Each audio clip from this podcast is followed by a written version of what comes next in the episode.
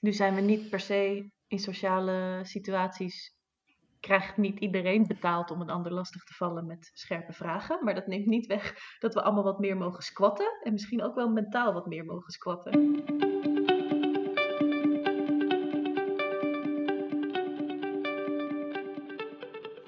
Welkom bij seizoen 3 van de podcast Stilstaan voor Dummies. Een rehab voor druktemakers, eerste hulp bij stilstaan. En dit seizoen gaan we een stapje verder. We gaan een stapje dieper. Want inmiddels weet je alles over stilte. Want vaker stilstaan is goed voor je lijf, voor jouw mind, maar ook voor het luisteren naar dat stemmetje in jou. Durf te luisteren naar wat roept. Maar dat is al een hele grote uitdaging. Tijd nemen voor jezelf, aandacht geven aan jezelf, alleen durven zijn met jouw gedachten. Want we kunnen niet blijven wachten op de oplossing, op de verlosser die ons komt te redden. Die oplossing zit niet in veel, in meer, in drukte, veiligheid, comfort, verdoven of misschien wel vluchten. Die oplossing die zit in jou. En jij kan dit, want ik geloof in jou. Want de meest waardevolle en nodige investering die ons roept, is die in jezelf. Dat is ons medicijn. Want als jij iets in jezelf verandert, daarin jouw verantwoordelijkheid gaat nemen, verandert ook de wereld om jou heen. Alles start bij jou. En laten we elkaar hier vooral in helpen. Laten we weer nieuwsgierig zijn naar elkaar. De verbinding zoeken. Het is tijd voor actie.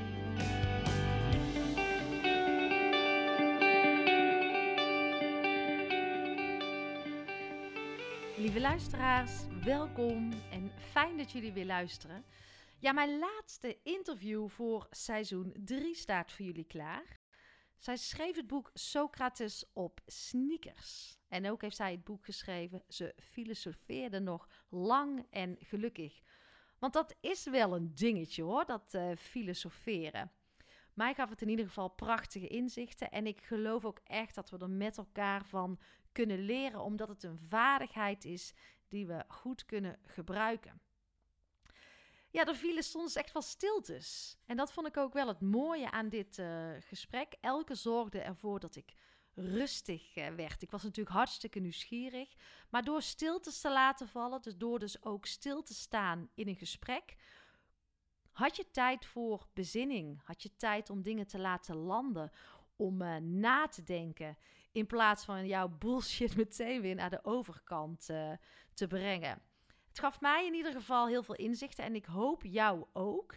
En um, ja, ik hoop dat we daarmee een stapje kunnen gaan zetten samen in uh, wat dichter weer tot elkaar komen, de verbinding weer uh, zoeken. Want dat geloof ik dat uh, hard nodig is.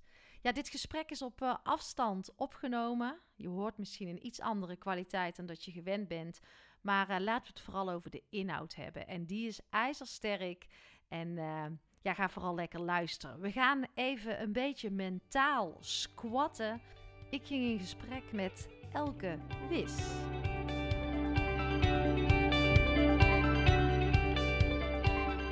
Mijn gast gelooft erin dat oprechte interesse voor een ander een cadeau is. Trouwens, niet alleen voor de ander, maar ook voor jezelf. Ze gelooft dat de wereld van nu behoefte heeft aan goede gesprekken. Aan gesprekken waarin we samen wijzer willen worden, in plaats van de ander te willen overtuigen van ons eigen gelijk. Ze gelooft in gesprekken waarin we tijd nemen. Tijd nemen voor nieuwe perspectieven en inzichten. Gesprekken waarin we eerst willen begrijpen en daarna pas begrepen willen worden. Want begint een gesprek met een goede vraag? En begint een goede vraag bij wat we willen weten en een houding van nieuwsgierigheid en verwonderen. Door één mens wel proberen te begrijpen, begrijp je ook heel veel anderen. Lieve luisteraars, luister, ben nieuwsgierig en verwonder. Doe je sneakers lekker aan of uit. Be like Socrates.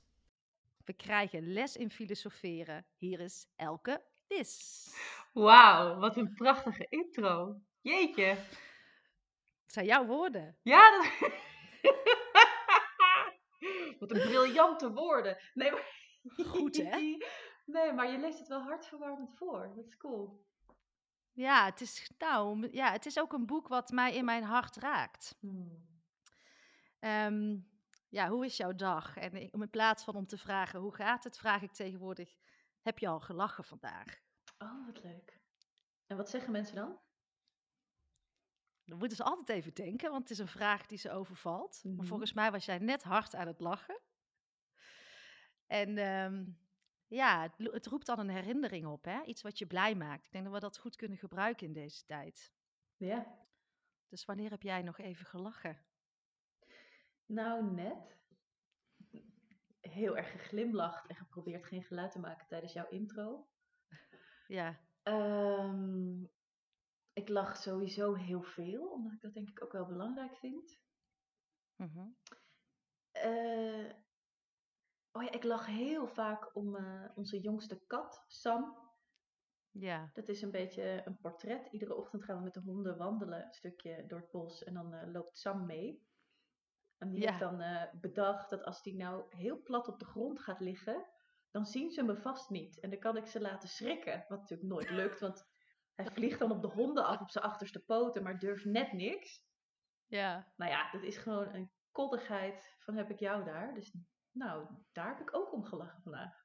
Fijn, fijn. Ja, jou eh, om filosoferen kunnen we niet heen bij, eh, bij elke. Nee, dat Eh, klopt. Maar waar zit dat, waar zit dat vuur bij jou? Waar komt, dit, waar komt deze gretigheid vandaan? Oeh. Hmm. Ik, ik denk dat ik daar meerdere antwoorden op kan geven. Ik denk de, de meest ongenuanceerde is, of waar ik zelf steeds meer achter kom, is de, toch wel een intolerantie voor bullshit gewoon. Ja. Voor ongenuanceerd roeptoeteren of diarree tegen een muur kwakken. Ja, dat zijn meteen wel metaforen waar je, Waar we even over kunnen lachen. waar je even om kan lachen. Maar dat is het. Dat is wel zo. Mhm. Ik had toevallig gisteren nog een gesprek met mijn lief ergens over. Dat ik zei iets en zijn, hij was ook moe, hè, dus dan denk je niet per se heel goed na. Maar zijn eerste reactie uit zijn tenen was: Ja, dat vind ik zo'n onzin dat dat niet zou kunnen. En dan word ik dus met, gaat er al meteen helemaal een trein rijden. Ik denk: Nee, maar ho, dit kan niet. Je kan niet zomaar iets als onzin afdoen. Terwijl ik na twee vragen, dat we er samen achter komen: Oh, ik heb hier eigenlijk niet langer dan twee seconden over nagedacht. Je kan iets wel Ja. onzin noemen, maar onderzoek het dan op zijn minst. Ja, nou dat is een mooie uitnodiging, denk ik ook naar onze luisteraars. Want we zitten in een tijd dat we toch allemaal ehm, ja, roepen en, en meningen hebben. En ja, hoe nodig is jouw boek op dit moment?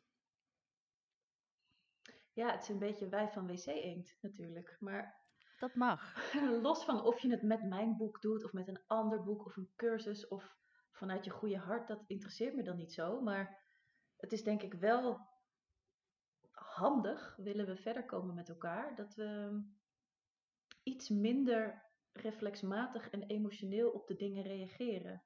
Niet zo primair de hele tijd. Ja, en, van, en vanuit onze eigen belevingswereld misschien ook wel. Dat, dat gaat samen met reflexmatig en emotioneel. Dat zorgt er al voor Mhm. dat je niet uit je eigen belevingswereld kan. Ja, Ja. en ehm, jij schreef dit boek, want ik had het even opgezocht. In, eh, in 2020 is jouw eerste druk uitgekomen, toch? hè? Ja, in maart. En- klopt. Nou ja, het, het, wordt alleen maar meer nodig, lijkt mij. Tenminste, ja, ik, eh, ik ben dan niet van de wc 1, maar ik zat het te lezen en het, eh, ik dacht, wauw, dit is iets wat ik heb geleerd en, en dat. En daar gaan we natuurlijk zo allemaal eh, uitgebreid op in. Ehm, maar toen schreef jij al, soms lijkt het wel alsof je die glazen bol had van in een wereld waarin er alleen maar meer polarisatie komt. En voor mij was dat toen nog helemaal niet zo helder, polarisatie. Ik was heel erg op zoek van, wat betekent dat nu exact? Ja, nu zitten we er middenin en ehm, lijkt het alsof we in tweeën zijn gesplitst. Voelde je iets aan of, of eh, eh, ha- zag je het toen al? Of, of waar kwam dat? Je had het al zo helder als ik het lees.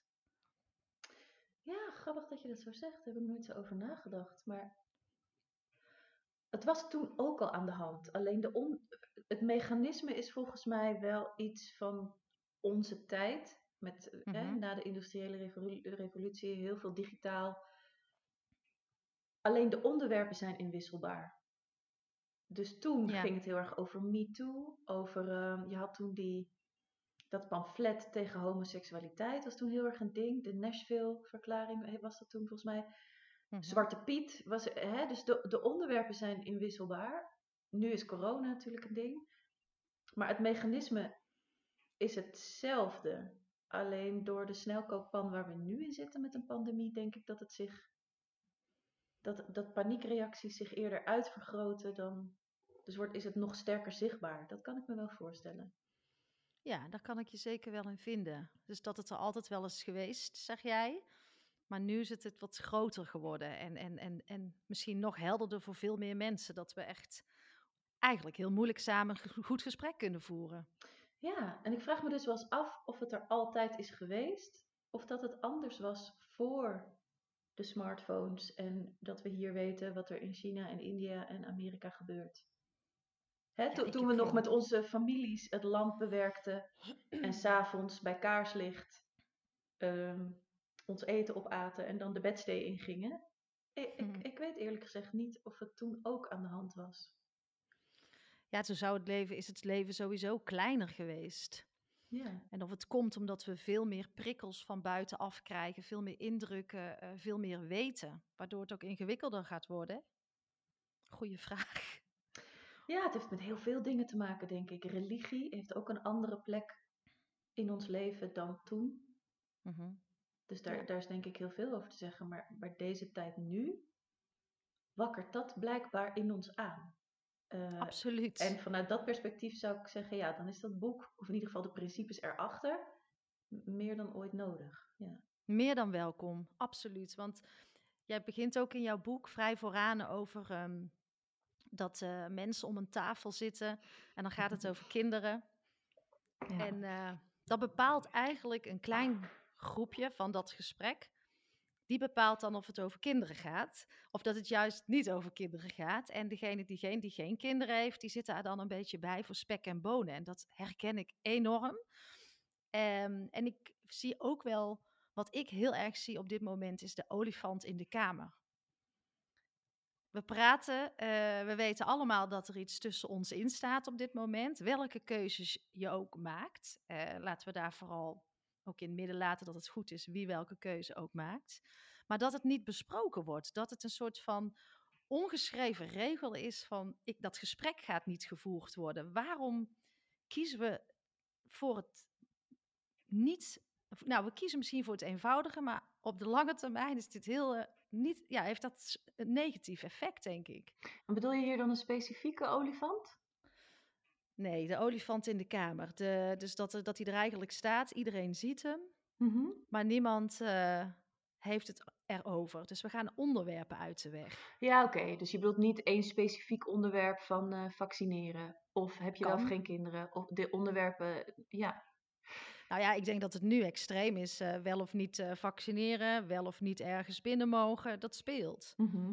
Maar het gesprek, ehm, en het speelt ook natuurlijk dat mensen geen kinderen hebben of wel kinderen hebben, maar dat het niet besproken wordt. Ja, ik noem dat zelf heel vaak mijnenveldonderwerpen. Dat je een beetje zo gaat tiptoeën in de hoop iemand niet tot ontploffen te brengen. Want stel je voor, Ja, mm, maar roze, de olie, roze olifant denk ik dan meteen. De olifant in de kamer is ook, eh, ja, volgens mij kennen we dat allemaal. Dat je met iemand in gesprek bent en dat je denkt, eigenlijk moeten we het hierover hebben. Of wil ik het hierover hebben? Of ik heb het idee dat we toch heel erg dit ene ding aan het ontwijken zijn. mhm. Ja, dat is wel jammer. ja en toch eh, ehm, ja, vermijden we het. En ik merk het bij mezelf ook. Ehm, en soms wil ik het dan wel doen, maar je wil ook niemand tegen de borst aanstoten. Eh, het heeft ook wel te maken, denk ik, met hoe je het zegt of wat je zegt. Of wat zijn jouw adviezen daarin? Van hoe kunnen we die verbinding meer tot stand laten komen? Mm. Nou, er zitten al een paar veronderstellingen in wat je zegt. Namelijk, als ik iets zeg, stoot ik iemand mogelijk voor de borst. Ja, Terwijl, hoe, hoe vaak is dat echt zo? dat is een angst van mezelf, denk ik. Ja, en hoe vaak gebeurt het je? Dat als je iets zegt, dat iemand meteen op zijn achterste benen staat. Hè, Van de tien gesprekken die je hebt, hoeveel gesprekken stoot je iemand voor de borst? Nou, mooie vraag. Ehm, nou, daar één keer van, denk ik. En uh, het heeft misschien ook wel met mijn eigen programmeringen te maken. En dat is ook van hoe je naar. Uh, dat, er, dat je vroeger altijd gehoord hebt, oh, doe maar normaal aan, rustig. Dus dat je ook dat dan komt dat mechanisme speelt dan ook denk ik een beetje wel naar boven. Ja, maar feitelijk ben je dus bang voor iets wat zelden gebeurt.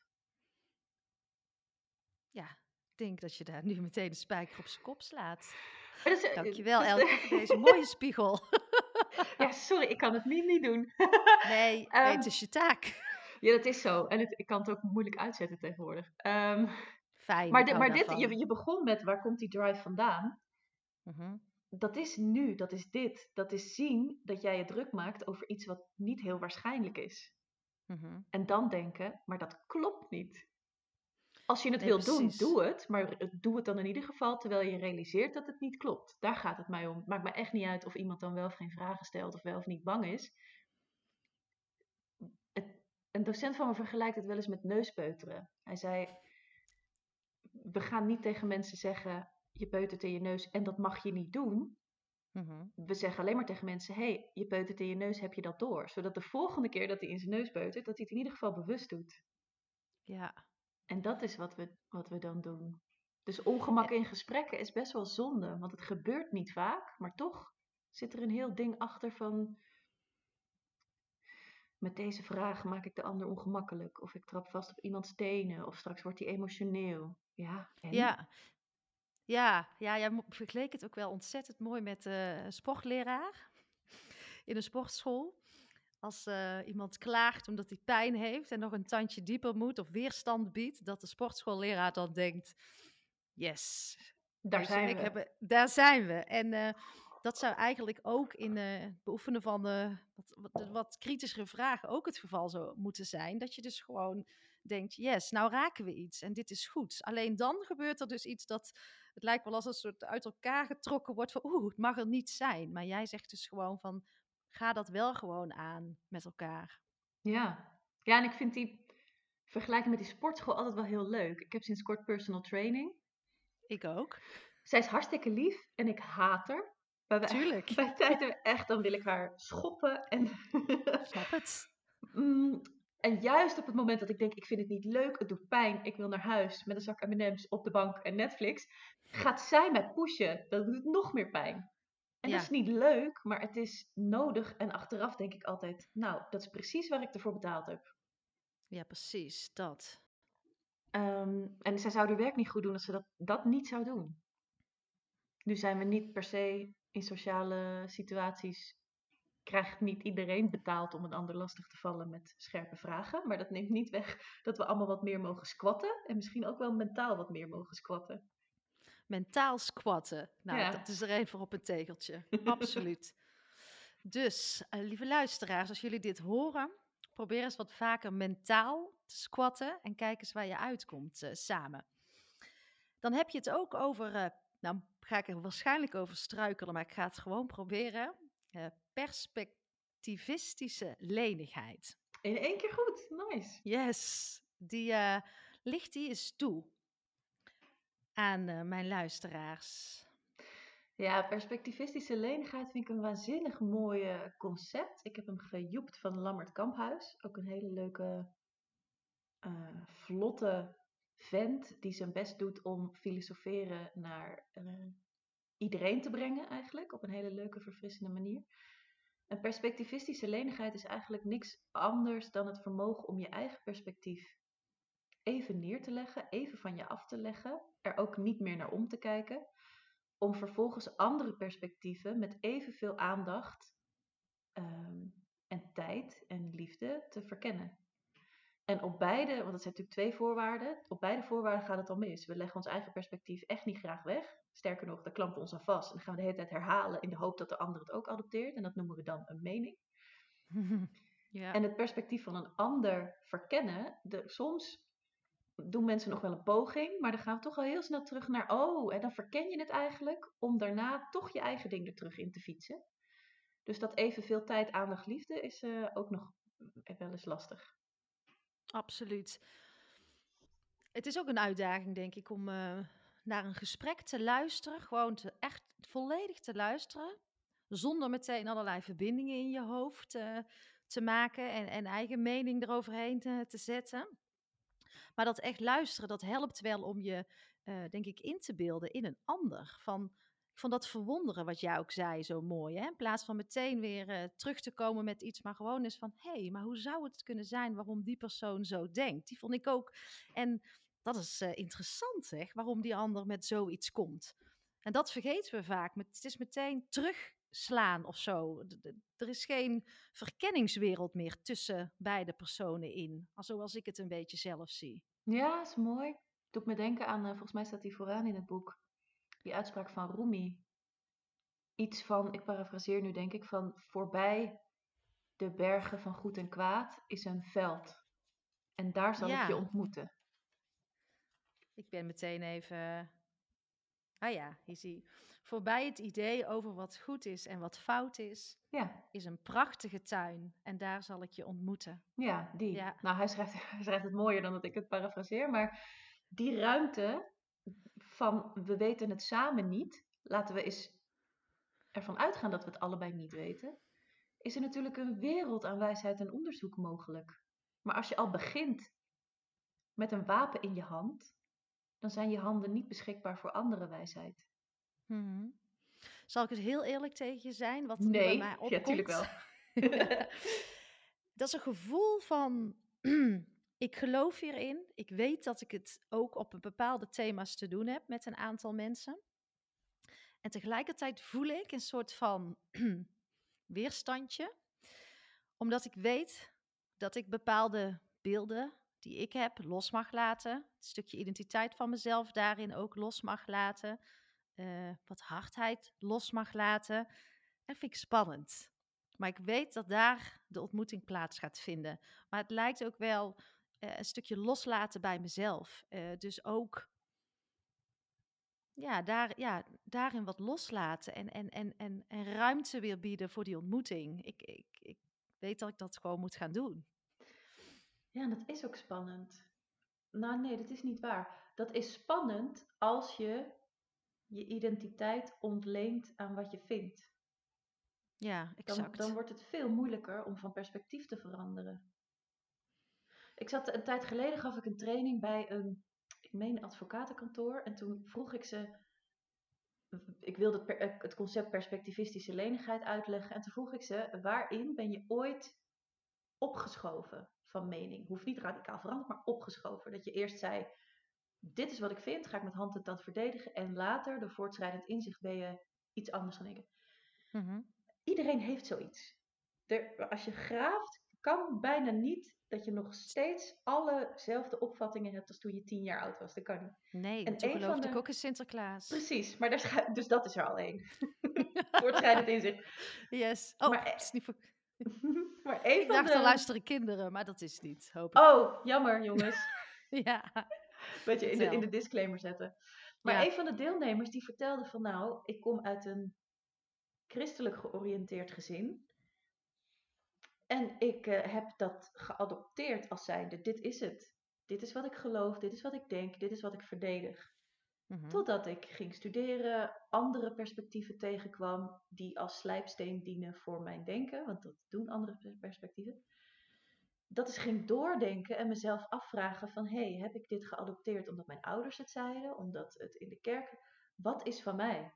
En toen zei hij, nu, nu heb ik dat, die christelijke identiteit en alle gedachten en overtuigingen die erbij horen, heb ik afgelegd.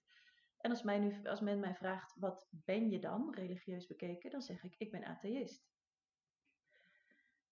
Dus dat is spannend om die hele identiteit dan naast je te leggen. Dat is een beetje een groot voorbeeld, maar als je je ook in het klein al identificeert met de mening die je toevallig, want heel vaak doen we onze mening ook maar toevallig op. Als je je ook in het klein daarmee al identificeert, ja, dan wordt het natuurlijk wel vrij spannend om dat naast je neer te leggen. Ja, want dan zit dat stukje ego natuurlijk ook wel enorm in de weg. Maar het is wel mooi. Eh, kijk, ik, heb al, ik ben losgekomen van, uh, ik noem dat altijd een stukje onthechten van veel spullen, uh, de, de, de, de, grote baan moeten hebben, uh, geld moeten hebben, dat het allemaal nodig is om een gelukkig leven te leiden. Die stap heb ik ge uh, gezet, zeker na mijn sabbatical. Dus, dus ook te onthechten eh, van, al dat, al, van al dat. Maar ook je onthechten van een mening is ook weer een mooie kijk. Om, om van waarom moet dat per se gekoppeld zijn aan wie jij bent? Dus Ik vind dat eh, wel interessant. vanuit mijn, mijn perspectief is dat heel raar. Vertel heel eens. raar. Nou, volgens mij kom je hier als mens, heb je een paar dingen te doen. En groeien en jezelf steeds opnieuw scheppen zijn daar onderdelen van. Dus hoe raar is het dat alles om ons heen verandert? De natuur laat ieder, eh, iedere herfst zijn blaadjes los. Ehm, komt iedere lente tot bloei. De natuur verandert. Dat is zo'n beetje het enige constante. Maar onze mening zou dan eeuwig en altijd hetzelfde blijven. Dat doet geen recht, vind ik, aan mens zijn. Continu jezelf bevragen en checken: klopt dit nog met de werkelijkheid? Is het logisch? Doet meer recht aan mens zijn. En daar hoort bij dat je dan terugkijkt en denkt: ja, wat ik daar heb opgeschreven of gezegd, sta ik niet meer achter. Klopt niet, is onvolledig, is vaag of klopt wel, maar deels. Ja, ja. Ja, ik, ben, eh, ik denk, ja, zo simpel is het eigenlijk. Van, je kan altijd dus van mening veranderen. Ik vind het soms ook wel eens te makkelijk als iemand zegt, ja, maar vroeger was het ook zo. En, ehm, en daarom wil, wil dat dan zeggen dat je niet van mening mag veranderen of niet in beweging hoeft te komen. Ik vind dat een, iets vastzetten als je die uitspraak hebt van, ja, het was altijd zo, dus dan zal het nu ook nog zo zijn. Die klopt dus ook niet met het beeld wat jij nu schetst. Nee, en is een van de klassieke drogredenen of argumentatiefouten. Een argument gebaseerd op traditie. Vroeger was Ja. het zo, dus het moet zo blijven. En dan, vraag ik altijd, dan zeg ik altijd: vroeger deden we abortussen met breinaalden. is ook effectief, maar wil niet zeggen dat we niet inmiddels meer kennis tot onze beschikking hebben. Ja, precies. Het is wel makkelijk om daaraan vast te blijven klampen dan, zeg jij ook. Het is, het is een non-argument. Vroeger was het ook zo. Ja, er zijn heel veel dingen die vroeger zo waren. Maar een argument op traditie is niet heel sterk, want tradities veranderen. Ja, ja. En jij hebt ook over eh, die periode van het niet weten, schrijf jij ook over. Daar zijn we als mens eigenlijk helemaal niet voor gemaakt. Ehm, hoe kunnen we hier het beste mee omgaan? eh, om gewoon eens even in dat niet weten oké te leren zijn. Dat is volgens mij ook een van de skills die best wel zinvol zou kunnen zijn in deze tijd. Alleen we zoeken heel tijd naar zo'n help, hou vast, ankertje om, eh, om aan vast te klampen. Hmm.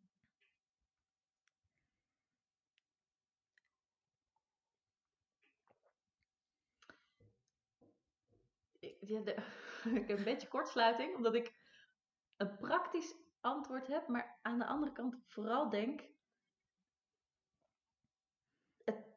Laten we eens beginnen met het eerder als een gegeven te zien, dat je meer niet weet dan wel. Ja, precies. Dat geeft al rust. Ja, Ehm, ja, Doorgaans, maakt niet uit over welk onderwerp je het hebt, je kan niet alles weten, gaat niet.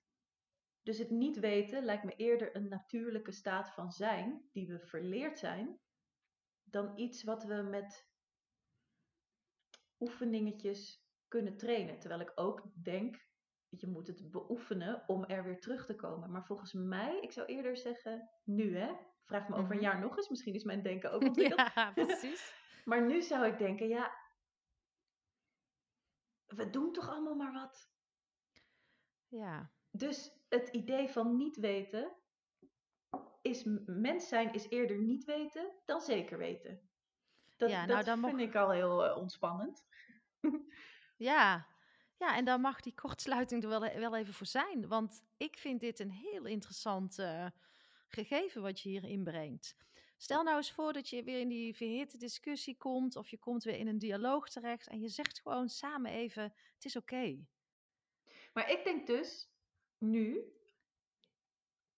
als je vertrekt vanuit niet weten, beland je niet zo snel in een verhitte discussie.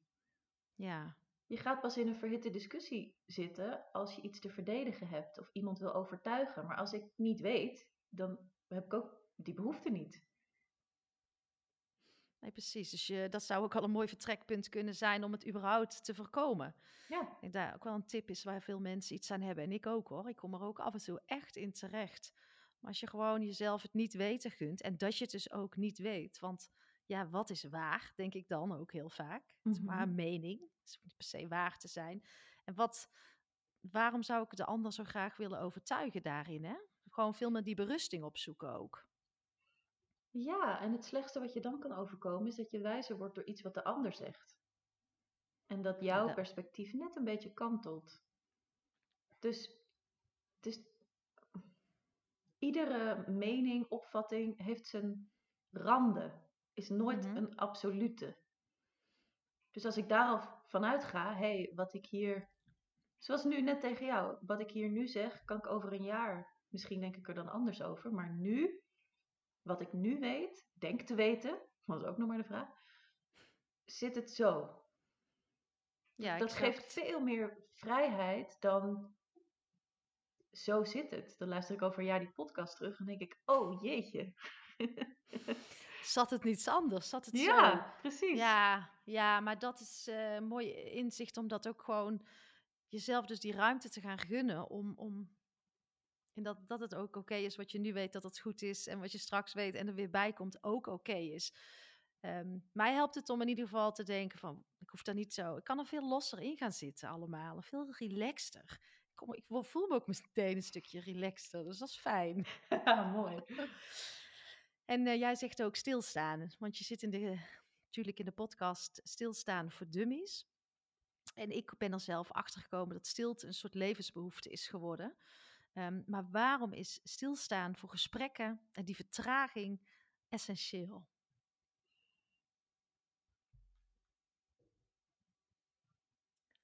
Omdat je pas in vertraging echt goed kan observeren wat er gebeurt. In je hoofd, bij de ander, in je denken. Je hebt denktijd nodig om hoofd van bijzaken te onderscheiden. Of een echt precieze vraag te formuleren. Of om te checken, hey, krijg ik nou wel antwoord op mijn vraag? En gek genoeg doen we dat heel vaak niet. Dan zeg jij iets, heb ik een associatie en dan brabbel ik er lekker op los. Jij hebt ook weer een associatie, brabbel jij weer op los. Is niet erg, is wel gezellig, maar niet per se gesprekken die leiden tot scherpte en diepgang. Nee, ik vind het heel prettig dat jij ook de tijd neemt om even een vraag te laten landen. En het stukje, je kan het altijd over de ander na gaan denken, maar wat ik nu ook meteen denk, je kan ook je bewustwording in dat stuk over jezelf trainen. Dus wat denk je, eh, waarom heb je het zo gevraagd? Eh, Je kunt altijd wel de ander projecteren en, en, en reflecteren en proberen te lezen. Maar het helpt volgens mij in een gesprek ook goed om ook eens naar jezelf te kijken. Is, eh, dat lijkt mij wel een, eh, een goede les voor mezelf, om die ruimte ook te nemen van waarom vraag ik dit of hoe vraag ik dit? Dat vind ik wel een mooi inzicht. Gewoon ook veel meer rust in gesprekken te krijgen. Ja, en er komt nog wel een concept bij, denk ik, namelijk dat je een discipline ontwikkelt. Heel vaak beginnen we zomaar te kletsen zonder dat we weten waar we eigenlijk heen gaan. En dat zorgt voor zoveel ruis in een gesprek. Ik had toevallig laatst nog ik een online ehm, inspiratiesessie. En toen, zei iemand, dat gebeurt heel vaak, elke mag ik een vraag stellen. Toen zei ik, ja, ga je gang. En toen kwam er een vraag, iets van, eh, waarom is het zo? Vraagteken. Maar toen ging ze door. Want ik zat namelijk te denken, het kan natuurlijk ook zo zijn dat. En zei ik, ho, je zei dat je een vraag wilde stellen, maar je gaat ook gelijk het antwoord geven. Wat wil je doen? Toen moest ze heel erg lachen. Toen zei ze, ja, dat is waar. Goh, nou, ja, nou, dus dat, dat is ook even een error. Maar dat gebeurt Mhm. natuurlijk heel vaak. Dat we niet eens bewust zijn van, wat ga ik doen? Ga ik een vraag stellen? Ga ik een voorbeeld geven? Ga ik een idee inbrengen? Het is handig als je dat weet, zodat je ook daadwerkelijk dat kan gaan doen. Ja, ja, we, ja, we zijn gewoon aan het praten zonder na te denken. En, en dat, dat helpt mij gewoon. Jouw boek heeft mij gewoon tot nadenken gezet. Dat ik dacht, ja, ik, kan, ik heb zelf iets te doen in dit stuk voor 80%. En de rest mag ik misschien bij een ander leggen. Maar het is vooral een stukje zelfreflectie. Ja, Fijn. dat is ook het enige waar je wat mee kan. Die andere mensen zitten niet op cursus of lezen het boek niet. Je, hebt alleen- Nee. je kan alleen maar met jezelf eh, in de weer. Aan de slag. Ja, en oh, jij schrijft ook over vragenmakers en opiniemakers. Kan je dat verschil eens duiden? Nou, ik kwam erachter tijdens het schrijven van Socrates Sneakers, maar ook wel wel eerder, dat je dan van die stukjes in de krant hebt van een opiniemaker. En dat vond ik vanaf begin af aan al zo'n gek concept, dat ik dacht, wacht even, er zijn opiniemakers, die moeten dus opinies, meningen maken en die dan in een stukje proppen. En dat moet ik dan tot me nemen. Maar, maar wat neem ik dan precies tot me? En eh, nodigt dat nou uit tot nadenken? Ik denk het niet. Ik betrapte Mhm. mezelf erop heel vaak dat er iets ingewikkelds in de maatschappij aan de hand was. En had ik een stuk gelezen van een opiniemaker, dacht ik, ja, nou, zo zit het. Hoef ik dus niet meer over na te denken. Vervolgens las ik een ander opiniestuk van een andere opiniemaker en dacht ik, ja, het zit eigenlijk zo. Hoef ik dus ook niet meer over na te denken. Dus het gevaar is dat je, dus, dat je daarmee niet meer zelf tot je eigen visie komt. En dan kan je wel de visie van een ander adopteren, maar die zal altijd oppervlakkiger zijn dan wanneer je hem daadwerkelijk zelf onderzocht hebt. En daarom pleit ik in dat boek niet voor opiniemakers, maar voor vragenmakers. Dat we stukjes in kranten krijgen, niet met dit is een mening en tada, hier heb je hem, kun je zo eh, aantrekken als een jassie. maar zo zou het kunnen zitten. Hier zijn wat vragen. Denk er zelf Mhm. eens over na. Dat lijkt mij. ehm, Een skill die we goed kunnen gebruiken, denk ik. ja, zorgt in ieder geval voor doordachtere, autonomere visies dan Mhm. die zomaar ergens opgepikt zijn. Ja. Ja, ik, ik vind dat. ehm, ik verwonder me daar ook wel eens over. Van waarom we zo makkelijk een mening over kunnen nemen of iets wat gezegd wordt, zonder daar zelf naar op onderzoek te willen gaan. Ik weet niet of het in mij zit als, als mens. Eh, daar heeft het misschien ook iets mee te maken. Mag je daar ook mij eens op spiegelen? Ehm, maar ik wil het altijd wel weten en vanuit verschillende kanten bekijken.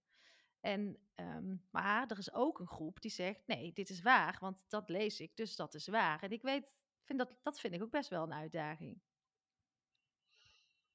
Nou, het is ook makkelijker. En we zijn soms ook een beetje lui van aard. Als ik, ik heb echt heel vaak geen zin in dat squatten in die sportschool. Ik haat het. Jij Het squat liever mentaal. Ook. Maar ook, ook mentale training kost energie, is moeilijk, kost tijd als je het goed wil doen. Dus hoe makkelijk is het als iemand je alvast een, eh, eh, de- hè, die het denkwerk voor je heeft gedaan? Waarvan je alleen maar het eindresultaat tot je neemt, namelijk een opiniestuk of een blog of een noem het maar op. Ja, is wel lekker.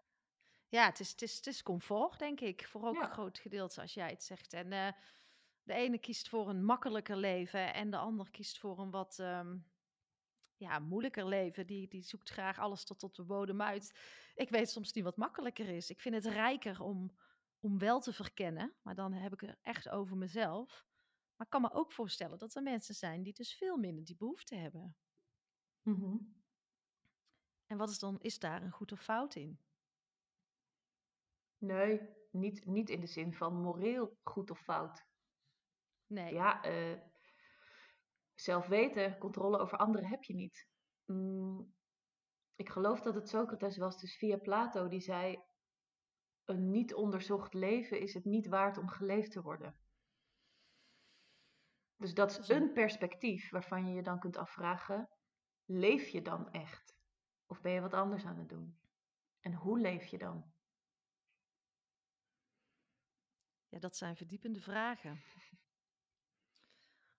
Maar mij vraagt, dan vind ik dat ik ehm, meer leef eh, als ik meer verdiep en meer bevraag en, en, en nieuwsgierig ben.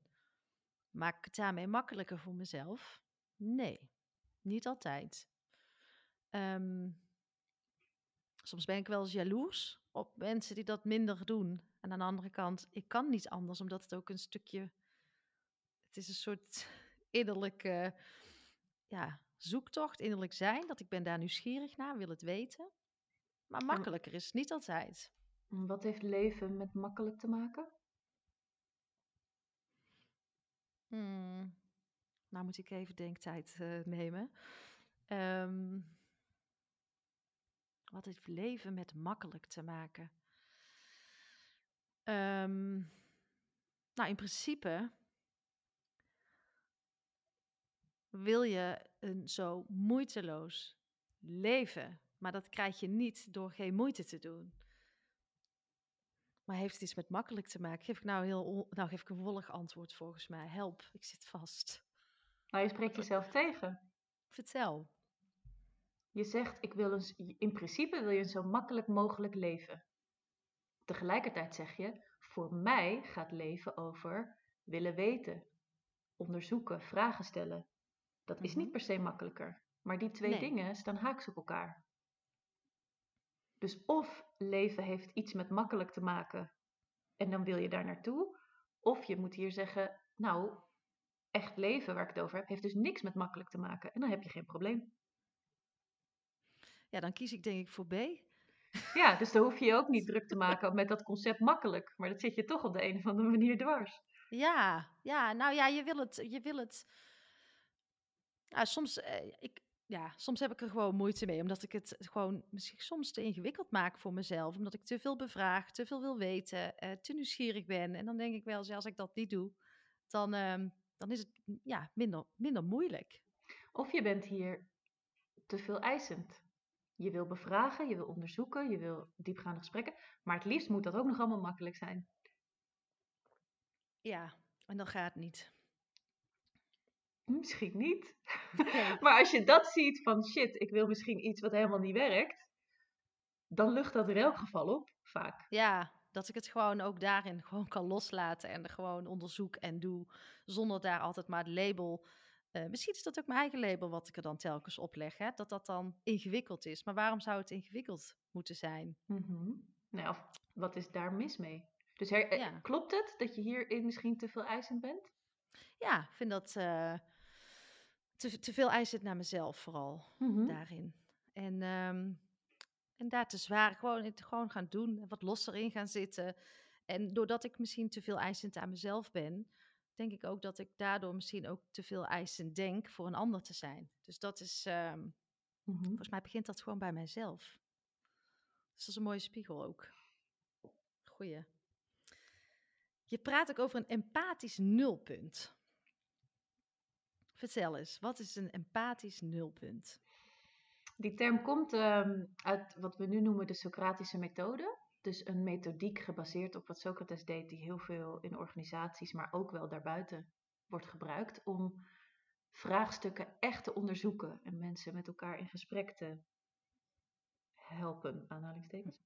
Mhm. Ehm, en dat vertrekt eigenlijk vanuit het idee dat als je echt de vragen wil stellen die ertoe doen, dan laat je empathie het best even buiten de deur. Omdat als empathie gaat over meevoelen, meeleven, Mhm. dan vul ik alvast voor jou in dat jij ongemakkelijk wordt van mijn vraag. En stel ik die vraag niet. Of als ik zie dat jij ongemakkelijk wordt, slik ik mijn volgende drie vragen in. Want empathie. Is toch lullig voor dat meisje, dat ze die drie vragen voor de kiezen krijgt. Mhm. En als je een denkgesprek wil voeren, dan wil je alle vragen stellen ehm, die tot denken aanzetten. Dus ook de ongemakkelijke, de pijnlijke. Nou, ideaal gezien zijn er geen ongemakkelijke, pijnlijke vragen, want je bent aan het denken. Mhm. Ehm, en dan is de empathische nulstand iets wat je wil trainen en toepassen. En zo ben ik nu eenmaal. Hoe zou jij in zo'n gesprek ehm, de verbinding zoeken tussen mensen? Vaak, eh, ja, zo ben ik nou eenmaal, dit is mijn gedachte. En je hebt hem ook wel eens gekoppeld aan een anekdotisch argument. Dus Mhm. eh, je hebt één keer iets meegemaakt en daaraan koppel, jou, koppel je ook je overtuiging of je mening. Ehm, hoe kunnen we zoiets meer gaan kneden dat daar wat ruimte komt in het gesprek om toch verbinding te zoeken? Wat voor tips zou je ons meegeven? En wat is verbinding hier? Nou, verbinding is dat je in contact gaat komen. Dus dat het gesprek verder kan dan "S- n- zo ben ik nou eenmaal. Of dit is wat ik vind. Dat er toch een opening kan komen. Hmm. Ja, niet. Want dat is die, ook een antwoord. ja, die ander doet de deur dicht. Die zegt eigenlijk, ik zit zo strak in mijn denken, ik kan er nu niet buiten. Of ik wil er niet buiten, ik wil hier niet vanaf. Dus als iemand zo vastzit, is het maar de vraag of we, uh, nou, of je daar een poging toe wil of moet doen. Iemand kan niet tegen zijn wil in perspectivistisch leniger worden. We kunnen iemand wel in een squat douwen, maar dat wordt nooit een goede squat. Nee. Um, dus hooguit kun je iemand uitnodigen. Je zegt, zo ben ik nou eenmaal. Sta je open voor een onderzoekend gesprek of liever niet? Eigenlijk geeft iemand al impliciet aan, nee, want ik wil vasthouden aan mijn eigen veilige kokonnetje. Mhm. Ehm, ik zit even te bedenken, in een, maar dat is natuurlijk een andere situatie. In training of workshop zegt iemand ook wel eens van, ehm, ja, uh, ik, ik weet niet hoor, maar dat is gewoon mijn mening. Ja, en dan blijven ze me aankijken zo. En dan kijk ik terug en dan zeg ik, ja, waarvan akte? Heeft er iemand een ander idee? Want je zegt namelijk geen reet. Je zegt alleen maar, dit is mijn mening. Nou oké, waarvan akte? Um, iets heel praktisch nog, is dat ik mensen wel eens uitnodig een vraag te formuleren. Heb je ergens een vraag over? Over deze mening? Of weet je alles al zeker? Mm maar er moet eerst een klein sprankeltje niet weten, vragen, nieuwsgierigheid, al is het maar een millimeter, moet er wel ontstaan bij de ander. Als dat er niet is, ja, dan ga, heb ik wel betere dingen te doen, heel plat gezegd. Ja, ja, ja, precies. En, je hebt het ook wel, en dat vond ik ook een fantastisch inzicht, over bruggen bouwen. Om eerst nieuwsgierig te zijn naar de ander. En uh, dat is denk ik ook een vaardigheid om daardoor om je eigen ego eerst even los te laten, maar vooral bij de ander te laten vertellen en dan uiteindelijk die brug te bouwen, toch? Kan je die eens verder met mij verkennen? Want die vond ik echt heel interessant. Nou, dat kwam een beetje voort uit. Ik had dat hele boek geschreven over vragen stellen, luisteren, doorvragen, empathie buiten de deur. Allemaal dingen die, als jij en ik in gesprek zijn, dan ga ik met alle aandacht in jouw wereld kijken. Ja. En mensen vragen vaak, en ook tijdens het schrijven, van ja, maar wanneer komt mijn stukje dan aan bod? wanneer mag ik dan vertellen hoe ik erover denk? Ideaal gezien zou ik zeggen, niet. Doe die behoefte nou eens weg, want zo interessant is het vaak niet wat je zelf te vertellen hebt. Dan denk je van wel. Oh, dat is heel erg gezegd, maar ik meen het wel deels. um, ja, dus we, zit, we zitten al zo vaak in gesprekken met wanneer mag ik, wanneer mag ik, wanneer mag ik. Doe het ja. dus gewoon niet. Heb eens gewoon de hele avond een gesprek met iemand die jou geen enkele vraag stelt. En vind daar niks van. Er gaat een wereld voor je open, denk ik. Dat gezegd hebbende, dacht ik nou, mm, om mensen toch een beetje te helpen, uh, kun je een klein bruggetje maken. Want stel je voor dat wij op een feestje elkaar tegenkomen en ik stel jou de hele avond vragen over hoe jij denkt over een bepaald onderwerp. En ik merk dat ik toch wat wil zeggen, kan ik dat plomp verloren, over de schutting gooien, maar misschien ben jij daar helemaal nog niet. Mm-hmm. Dus een bruggetje betekent dat je iets zegt als: Ja, ik heb daar ook wel wat ideeën over. Vind je het goed als ik die eens met je deel? Of uh, ik hoorde je net dat en dat zeggen. Ik heb daar zelf een ander perspectief op. Vind je het leuk om als ik dat eens met je deel? Dus ja. dat je een soort tussenzinnetje maakt, waardoor de ander weet: Oh, wacht even. Ik moet nu gaan luisteren. Ja, dat is, dat, is, dat, dat denk ik wel iets wat bruikbaar is om ook uh, toe te passen. En um, je schreef ook wel over die actieve mindfulness. Hè? Dus door gewoon uh, te luisteren naar de ander zonder er iets mee te willen, kan ook best wel, ja, mensen ervaren het als mindfulness. Daar kan ik me best iets bij voorstellen. Ja, het is heel veel rustiger in je hoofd als je niet bezig hoeft te zijn met wat ga ik zo meteen zeggen? Wat vind ik hiervan? Hoe zou ik het oplossen? Welk advies kan ik eens over de schutting gooien? Het wordt gewoon heel kalm. Ja, het wordt gewoon heel kalm. En het is ook wel een, een beoefening om dit te trainen. Want als ik jou ook hoor in jouw manier van vragen stellen, je brengt het rustig over, zonder oordeel, uh, zonder lading op, op dingen. En daar zit ook wel een les, is dat de emotie eruit mag. Bij mij ook nog wel. Ik kan soms best wel te veel met emotie dingen brengen, waardoor ik misschien onbewust mensen met, met de rug tegen de muur aanzet. Dat is ook wel een skill, denk ik. Wat, wat adviseer je daarin? In om, om, hoe kan je dingen eens goed overbrengen? Ik denk dat het toch gaat over heel veel dingen niet doen en afleren, dan dat je een skill zou moeten aanleren. Dus ik denk dat je moet afleren iemand te willen overtuigen. Ehm, Mhm. Afleren te zenden. Afleren al te luisteren met het idee, ik vind hier iets van. Mhm. En daar staat tegenover dat je dan moet beoefenen, oprecht nieuwsgierig zijn, je eigen mening aan de kant eh, blijven duwen, ehm, geen resultaat willen behalen, controle loslaten. Dus daar, daar worden emoties natuurlijk vaak geboren. Dat ik iets van jou wil, wat jij nou net niet tot je beschikking hebt, of wil, of doen. Mhm. Dan raak ik vrij snel teleurgesteld. Maar als ik alleen maar als wens heb om jouw denken te verkennen, dan ben ik vrij snel tevreden. Ja. ja, dat is veel kleiner maken. En, en ehm, ervaar daarmee ook meteen een soort van rust in een gesprek. Want dan is er een soort van lading af bij Mhm. jezelf. En ik geloof dat je daarmee dus ook de lading bij een ander niet oplaat. Of ja, dat, het- dat je daarmee een ander niet oplaat. In de zin van eh, explosiever maakt, maar juist echt verbindend eh, met elkaar kan praten. Nou, mensen voelen het heus wel. Als Precies je dat. zogenaamd vragen aan het stellen bent om eigenlijk die ander te manipuleren helpen naar jouw visie. Het Ja, is voelbaar en irritant en er raakt iemand van geïrriteerd. En het- je krijgt hetzelfde, je krijgt een koekje van eigen deeg en daar raak jij weer geïrriteerd van. Dus ja, ja, er zit heel veel vertraging in. ehm, en ik hoop echt oprecht dat we dit met elkaar gaan leren. Omdat ik, toen ik jouw boek ook echt las, ehm, geloof, en ik denk dat ik daarmee jouw geloof ook wel deel, dat het een vaardigheid is die wij nodig hebben in, eh, voor de toekomst. ja, dat denk ik wel.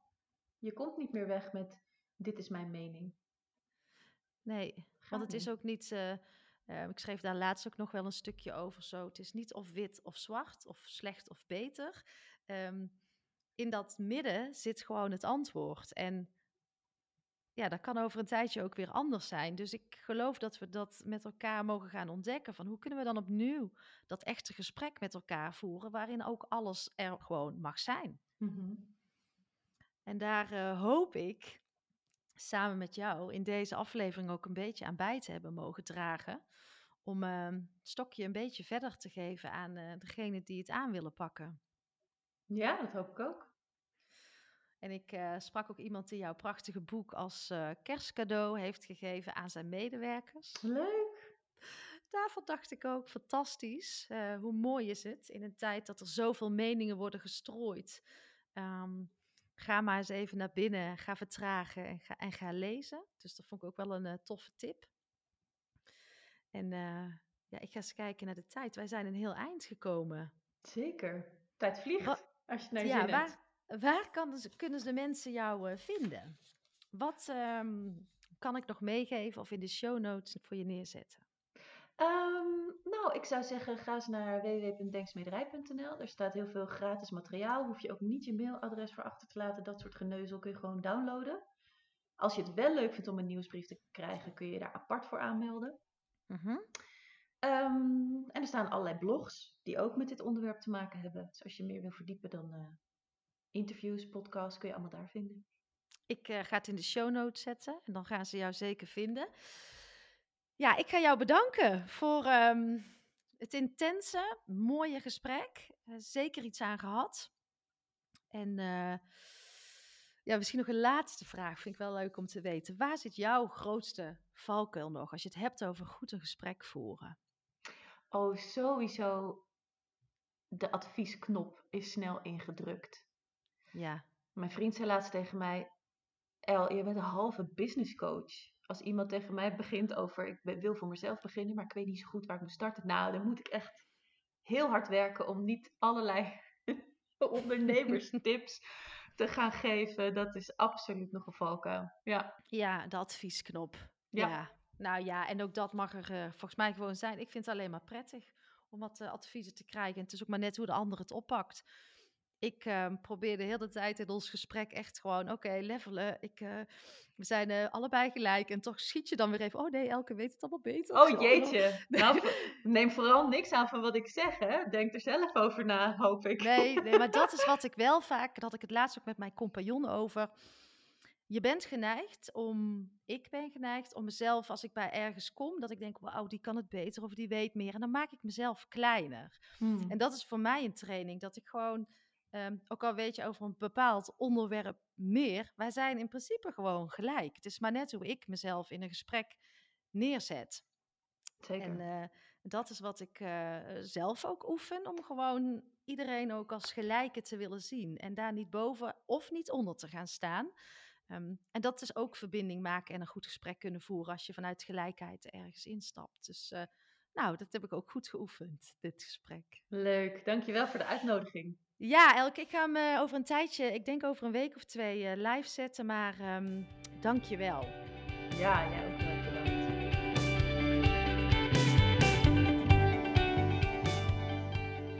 Dat was hem weer, lieve luisteraars. Dank je wel weer voor het luisteren. En dank je wel, Elke. Wauw. Ja, echt toffe dingen gehoord. Iets waar ik zeker iets aan heb. En ik hoop ook dat jij hier iets uithaalt. Want een goed gesprek voeren, het echte gesprek, het verbindende gesprek. Uh, volgens mij is dat nodig in deze tijd. En uh, ja, hoe mooi is het als we hier allemaal iets van kunnen leren en deze kennis kunnen verrijken, deze kennis kunnen gaan toepassen en weer uh, verder kunnen brengen. Dus nogmaals dank, Elke. Ja, seizoen 3 zit erop, in ieder geval voor mijn gasten. De Anki Only's uh, laat ik wel doorgaan. Dat zijn gewoon de inside my mind die ik wil delen in het moment. Dus uh, die mag je nog steeds van mij verwachten elke maandag en vrijdagochtend. Kort en krachtig, max 15 minuten. En uh, voor wat betreft de gasten die ik wil interviewen, ik ga even mijn cocoon in, even terugtrekken, even nadenken. Ik heb een nieuwe apparatuur waar ik uh, toffe dingen mee kan doen. Ik zit te denken over een ander soort format. Want ik wil echt naar een leerplatform toe. Dus waar ik ook interactie kan krijgen met, uh, met jullie. Um, want ik vertel wel en ik heb interviews. Maar ik merk dat ik af en toe zo blij word van de verbinding met mijn luisteraars. Als ze mij iets laten horen of terugkoppeling geven. Dat doet me goed. En ja, kennis is er in overvloed en er is geen één waarheid. Nou, hoe mooi is het als we dat samen allemaal verder kunnen gaan brengen. Ook elkaars leerprocessen kunnen gaan delen. Ja, ik geloof dat we daar heel veel van kunnen leren. En dat dat een vaardigheid is die we verder met elkaar mogen gaan uh, ontwikkelen.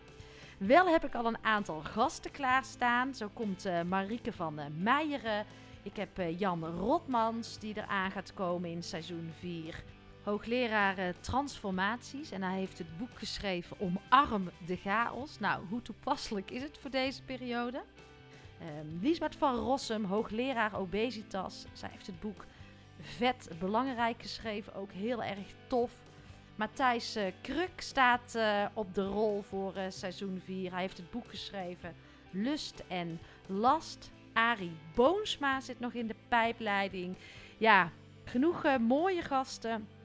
En ik wil daar even rustig over nadenken in wat voor format dat naar buiten gaat komen. Oh ja, ik heb ook een boswachter Barry weten te strikken. Eh, omdat ik op mijn vision board heb gezet dat ik meer in het ritme van de natuur wil gaan leven. Nou, hoe mooi is het dan als Barry op je pad komt via Instagram en uh, hij zo leeft? Nou, ik ben nieuwsgierig naar zijn verhaal. Uh, ik wil meer daarvan weten en Sowieso is januari de maand om even lekker terug te trekken, zei hij. Dingen te laten ontstaan. Dus dat ga ik even lekker doen. Uh, I'll be back in seizoen 4 met toffe gasten. Tot de volgende podcast.